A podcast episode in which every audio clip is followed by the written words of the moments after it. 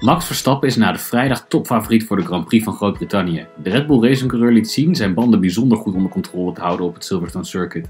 De Britse baan is berucht om haar bandenslijtage. De bandenbaas Mario Isola van Pirelli noemt de baan het zwaarste Grand Prix voor het rubber. Des te opvallender is hoe snel Verstappen was op de hardste compound tijdens VT1 en hoe lang hij consistent snelle tijden kon rijden op die band. Zijn eerste paar ronden waren direct snel, die tijden zwakten af en Verstappen ging duidelijk voor een longrun zitten. Hij reed een erg consistente stint met tijden van rond de 1.33 op banden van 17 ronden oud. Zelfs op nieuwe medium en harde banden kwamen de top 4 teams niet makkelijk aan die tijd. Later, toen de concurrenten switchten naar de zachte band wel.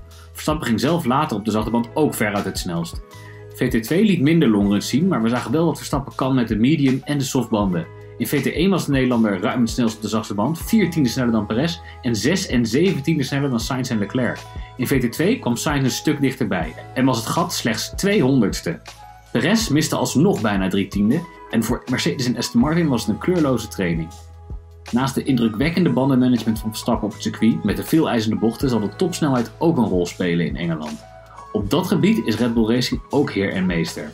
Zowel Perez als Verstappen lieten de concurrentie tijdens de vrije trainingen ver achter zich. De Red Bull-coureurs halen op de vrijdag op het eerste harde remmoment een topsnelheid die gemiddeld maar liefst 10 km hoger ligt dan bij Ferrari. Perez haalde 326 en Verstappen haalde 325 km per uur. Sainz en Leclerc kwamen daar niet boven de 316 uit.